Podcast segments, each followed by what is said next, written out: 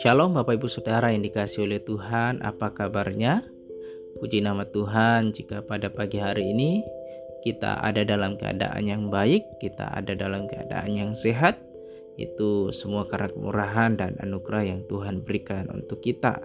Dan Bapak Ibu, sebelum kita melakukan aktivitas kita, mari kita meluangkan waktu kita sejenak untuk sama-sama merenungkan firman Tuhan. Mari kita berdoa. Bapa dalam kerajaan sorga terima kasih untuk berkatmu pada pagi hari ini kami boleh bangun dengan kekuatan baru yang kau berikan. Kami mengucap syukur dan kami percaya bahwa sepanjang hari ini kami hidup dalam perkenananmu, kami hidup diberkati dan kami mau untuk senantiasa mengandalkan Engkau sebagai Tuhan dan Juru Selamat kami. Tolong kami untuk mengerti firman-Mu, mampukan kami untuk sama-sama belajar dan menjadi pelaku-pelaku kebenaran firman-Mu. Terpujilah nama Tuhan yang kudus di dalam nama Yesus. Haleluya. Amin. Bapak Ibu yang dikasih oleh Tuhan, Renungan kita pada pagi hari ini diambil dari Yeremia pasal yang ke-21 dengan perikop yang diberikan oleh Lembaga Alkitab Indonesia, pembuangan Raja Sedekia diberitahukan dan perikop yang kedua adalah nubuat melawan Raja Yehuda. Bapak Ibu Saudara, ada sebuah cerita tentang sebuah bapak sebut saja dengan Bapak Andi ya. Jadi Bapak Andi sedang berkendara mencari alamat seorang kenalannya dari Facebook. Ya, karena Bapak Andi tidak tahu alamatnya, kemudian Bapak Andi menggunakan GPS. Tetapi karena GPS juga kurang akurat, ya Bapak Andi kemudian memutuskan bertanya kepada orang yang kebetulan lewat di situ. Sebut saja Bapak Mawar ya. Jadi Bapak Andi kemudian bertanya, "Apakah Bapak tahu alamat ini?" Ya, sambil ia menunjukkan alamat di HP-nya. Tetapi ya ketika Bapak Andi bertanya kepada Bapak Mawar, Bapak Mawar justru memarahi Bapak Andi karena Bapak Andi sedang melawan arus. Bapak Mawar kemudian menyuruh Bapak Andi untuk putar balik dan mengarahkan ke jalan yang tepat dan akhirnya Bapak Andi dapat menemukan alamat yang tepat.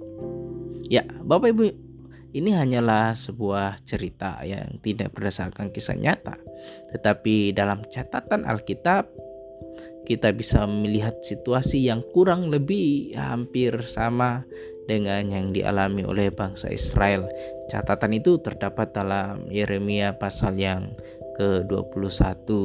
Ya, di ayat yang pertama di situ dituliskan bahwa pada waktu itu Raja Zedekia mengutus Pasyur bin Malkia dan Imam Sefanya bin Maaseya serta memberi pesan kepada mereka yang isinya tanyakanlah kiranya petunjuk Tuhan untuk kami sebab Nebukadnezar Raja Babel memerangi kami barangkali Tuhan mau melakukan kepada kami tepat seperti perbuatannya yang ajaib sehingga Nebukadnezar mundur meninggalkan kami Ya, Bapak Ibu perhatikan bahwa sebetulnya apa yang coba dilakukan oleh Sedekia adalah sesuatu yang baik.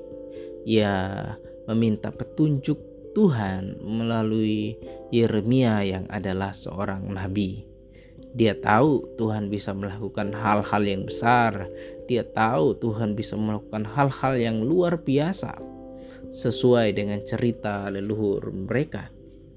Dan karena itu dia berpikir barangkali ya Tuhan mau menolong kami dengan cara yang ajaib sehingga Nebukadnezar mundur meninggalkan kami. Tetapi tidak seperti yang diharapkan oleh Sedekia.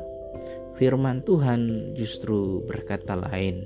Ayat yang ketiga sampai dengan ayat yang ketujuh. Firman Tuhan berpuji demikian kata Yeremia kepada mereka. Beginilah kamu katakan kepada Jedekia, beginilah firman Tuhan Allah Israel, sesungguhnya aku akan membalikkan senjata perang yang kamu pegang, yang kamu pakai berperang melawan Raja Babel dan melawan orang-orang Kastim yang mengepung kamu dari luar tembok. Aku akan mengumpulkannya ke dalam kota ini. Aku sendiri akan berperang melawan kamu dengan tangan yang teracung, dengan lengan yang kuat, dengan murka, dengan kehangatan amarah, dan dengan kegusaran yang besar. Aku akan memukul penduduk kota ini baik manusia maupun binatang, mereka akan mati oleh penyakit sampar yang hebat. Sesudah itu, demikianlah firman Tuhan.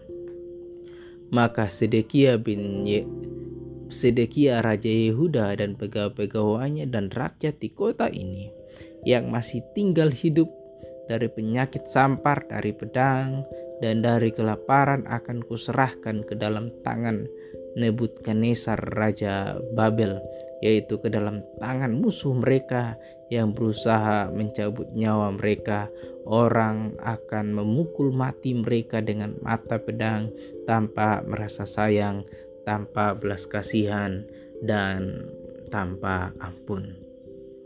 Ya, sama dengan cerita tadi ya, cerita tentang Bapak Andi yang hendak bertanya kepada Bapak Mawar tetapi justru ia malah dibarahi oleh Bapak Mawar karena Bapak Andi melawan arus. Demikianlah terjadi kepada Sedekia. Sedekia yang mengharapkan sesuatu yang baik justru mendapat teguran yang begitu keras dan tanpa ampun. Tuhan melakukan demikian bukan karena ia tidak sayang kepada umatnya, tetapi Allah sangat mengasihi umatnya. Allah memberi waktu kepada umatnya dan juga kepada pemimpin bangsa Israel pada waktu itu yakni Sedekia untuk bertobat dari dosa-dosanya dari penyembahan-penyembahan berhala dari hal-hal yang mendukakan hati Tuhan tetapi mereka enggan untuk bertobat mereka tidak mau untuk berbalik kepada Tuhan.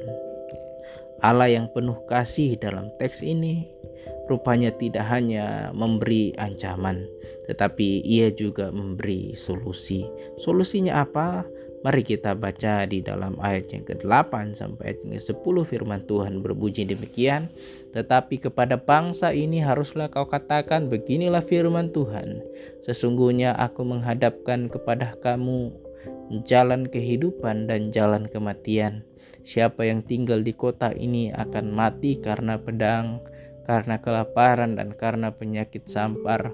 Tapi siapa yang keluar dari sini dan menyerahkan diri kepada orang-orang Kastim yang mengepung kamu, ia akan tetap hidup. Nyawanya akan menjadi jarahan baginya, sebab aku telah menentang kota ini untuk mendatangkan kecelakaan dan bukan untuk mendatangkan keberuntungannya. Demikianlah firman Tuhan, kota ini akan diserahkan ke dalam tangan Raja Babel yang akan membakarnya habis dengan api. Bapak Ibu yang dikasih oleh Tuhan, Allah dalam perikop ini tidak hanya sekedar memberi ancaman, tetapi ia juga memberikan solusi. Solusinya terletak pada pilihan. Pilihan yang diambil oleh umat Allah.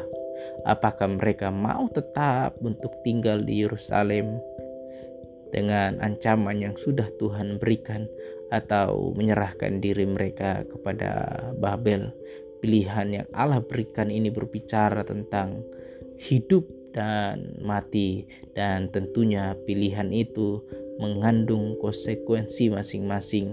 Pilihan yang diambil mengandung konsekuensi yang harus ditanggung oleh mereka. Nah Bapak Ibu yang dikasih oleh Tuhan terkadang dalam kehidupan kita ini juga Allah memberi kita pilihan. Pilihan untuk bertobat atau tetap hidup dalam dosa taat kepada Allah atau tidak taat kepada Allah, setia kepada Allah atau tidak setia kepada Allah. Dan ingat bahwa keputusan itu semuanya punya konsekuensinya masing-masing. Bapak Ibu yang dikasih oleh Tuhan, dari perikop ini kita ditantang sebagai umat Allah. Bagaimana respon kita menyikapi hidup ini? Apakah kita mau sungguh-sungguh di dalam Tuhan? Minta ampun jika melakukan apa yang jahat di mata Tuhan, bertobat dari cara yang salah, taat dan setia kepada Tuhan. Apakah kita mau mencari Dia, hidup menyenangkan hati Allah? Jika itu adalah pilihan Bapak Ibu, Bapak Ibu sudah memilih pilihan yang benar.